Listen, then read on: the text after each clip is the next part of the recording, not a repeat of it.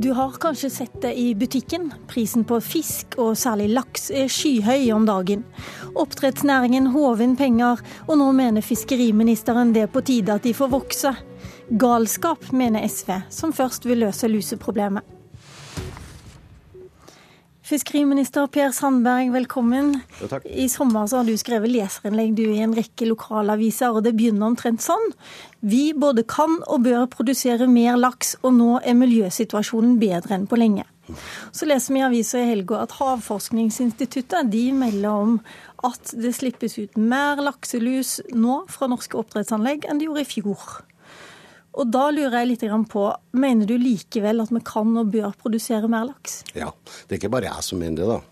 Eh, det mener forskere også, og det mener det norske storting som har vedtatt det. Hvilke forskere, hvis du ikke ja, har Forskningsinstituttet? Ja, altså, det, det, er viktig nå å skille på når vi snakker om lusesituasjonen. Altså lusesituasjonen inne i merdene. Altså oppdretterne har fått ned lusepåslaget inni merdene. Eh, og Det tror jeg vi skal se på som positivt, for det er det verktøyet jeg har. Eh, og lagt over på næringa. Nå må de få ned lusepåslagene i merdene deres. Eh, derfor er det mye flere kontroller på lokasjonene. Eh, og når, jeg, når, du har fått flere kontroller, så viser det seg at det er mindre antall lokasjoner som har rusepåslag som er over det som er akseptabelt. Ok, Men vi må bare prøve å forklare litt for de som ikke er helt ja, det er inne i denne næringa. Lus utafor og innafor merda. Nettopp. Ja. Og da er det sånn at den lusa som er farlig, det er jo den som treffer villaksen. Ja. Og det Havforskningsinstituttet sier, det er jo at det slippes ut mer lus fra oppdrettsanleggene som treffer villaksen, enn det gjorde i fjor. Og da er det sånn at Jeg sier, jeg er enig med forskeren, vi har ingenting under kontroll ennå. Men jeg er evig optimist i forhold til det at det kommer masse tiltak nå. Og så er det ikke sånn at jeg har vedtatt noen vekst i dag eller i morgen. Veksten kommer gjennom det som er vedtatt i 2015, gjennom det som også kalles grønne konsesjoner, altså en 5% vekst. Men det får man ikke hvis man har et lusepåslag som er over 0,2 lus per, eh, per, laks. Så kommer det nye vekstregimet. Det kommer først i, i neste år. Eh, så, eh, og Derfor så er jeg evig optimist, for at det skjer så mye på bekjempelse av lus nå. Og at alle disse tiltakene som settes inn nå framover, de vil gjøre, eh, gjøre utslag, det er jeg sikker på. Men det nye vekstregimet som jeg skal ha på plass neste år, der kommer altså lusa til å være det man måler på hvis man skal ha vekst eller ikke. Så poenget ditt nå er at du skal måle på en litt annen måte enn Havforskningsinstituttet gjør, og dermed så ser Nei. det bedre ut? Nei, du skal ikke måle på en annen måte. Kravene for å få vekst, det de eh, blir så stram at eh, du måler hele tida. Hvis du får for høyt lysepåslag, så må du ta ned produksjonen. Har du lusepåslag som er moderat, så får du ligge på det eh, eh, produksjonen du har. Har du for høyt lusepåslag, så må du altså ned. Får du grønt, altså der at du ligger under kravet, så kan du vokse med 6 annethvert år. Torgeir Knag Fylkesnes, du er stortingspolitiker fra SV. I forrige uke så møtte du Sandberg på Brødrene Karlsens sløyehall i Husøy. Det hørtes egentlig mye hyggeligere ut enn dette grønne studioet her på Marienlyst. Men i alle fall, du deler ikke Sandbergs optimisme. Hvorfor det? Nei, altså vi, det, det, er ikke sånn at vi har klart å få noen gjennombrudd i kampen mot lakselus i, i, Norge i dag, sånn som Sandberg prøver å, fremstille det. Det skjer veldig mye på, på, lusebekjempelse, men vi er ikke i nærheten av å ha noen gjennombrudd i kampen mot lakselus. Og så da legger eh, Sandberg opp til en serie sånne eh, grep som gjør at vi faktisk kommer til å få en, en, en, en vekst i lakseproduksjonen i, i, Norge. Og det vil, det vil, bety at det blir flere eh, og mer laks, mer volum i laks eh, i, i merdene eh, utover høsten, der det er størst sjanse for å få spredning av smitte og sykdom og lakselus og, og, full rulle.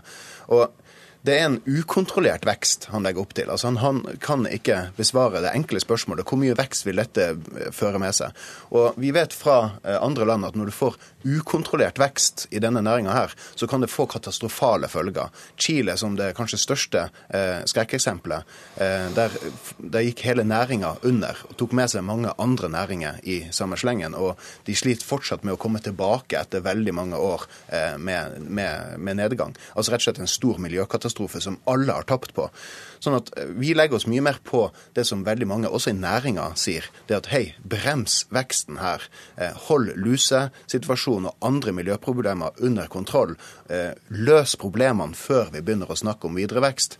Men det virker som at man ofrer både en langsiktig forvaltning og miljø her fordi at man ønsker en kortsiktig gevinst.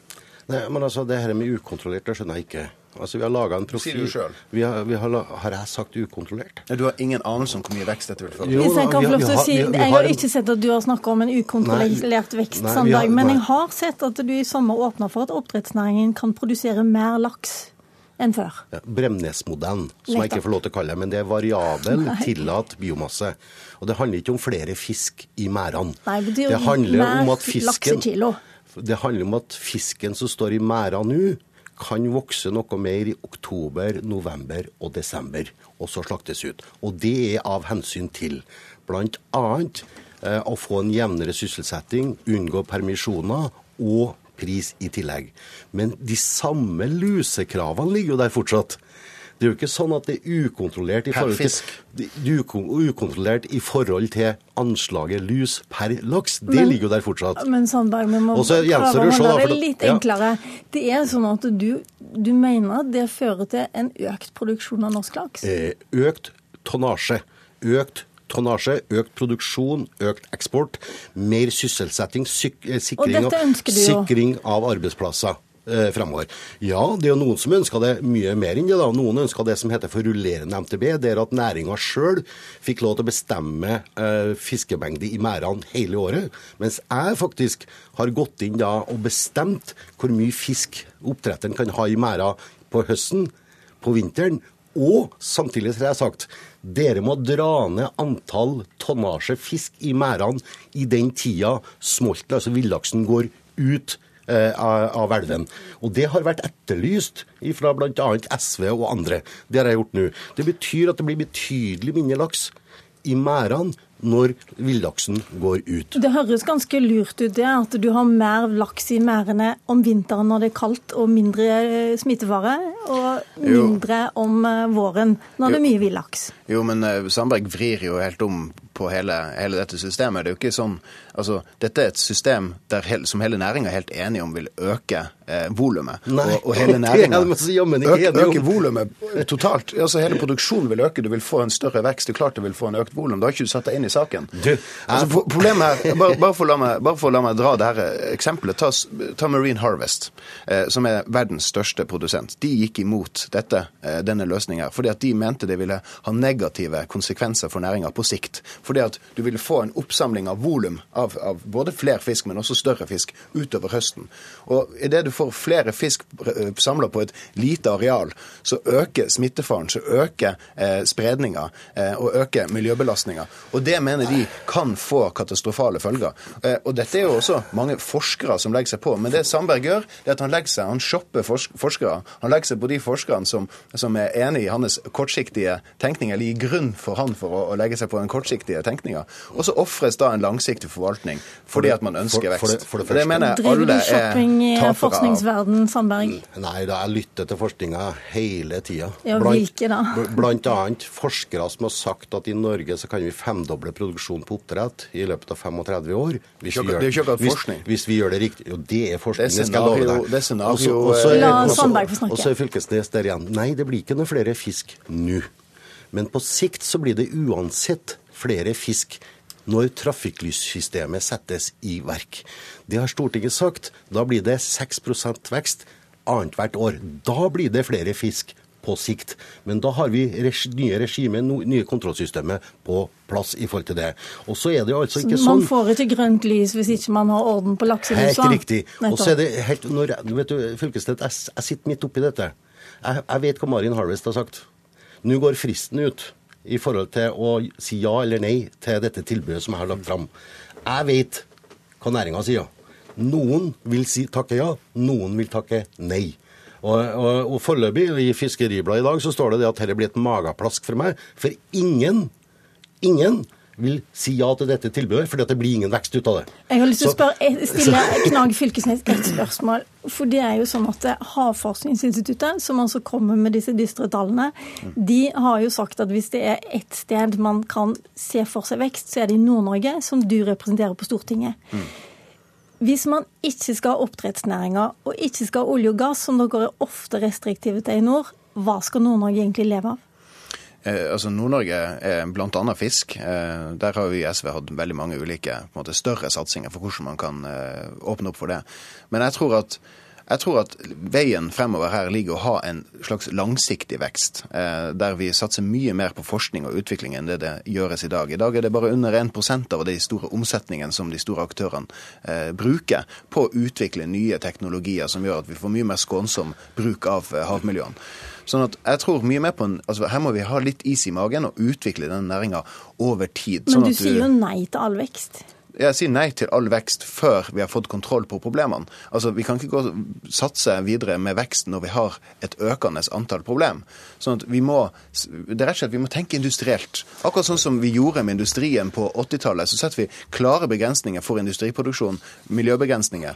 Og så, når de klarte å nå de målene der, som de i dag er sjeleglade for, men som, i, som de da på 80-tallet var veldig uenig i, da fikk du en forsvarlig vekst. Og Det er det jeg mener vi må, det er den type forvaltningsregime vi må få på plass for oppdrett. Da kan vi begynne å snakke om vekst. Før det er det galskap. Det kan ødelegge både andre næringer, men også denne næringa eh, konkret. For det, første, så jeg, for det første så er jeg veldig glad for at SV står alene på denne linja som vil legge hele Nord-Norge brakk. Og for det andre så heier jeg på forskerne. Og for det tredje så syns jeg det er vanskelig å navigere i dette området, fordi at det eksisterer så mange myter. Det er fortsatt noen De som går... mytene må du ta hold på en annen gang. Vi skal på et over på et annet vanskelig tema, faktisk.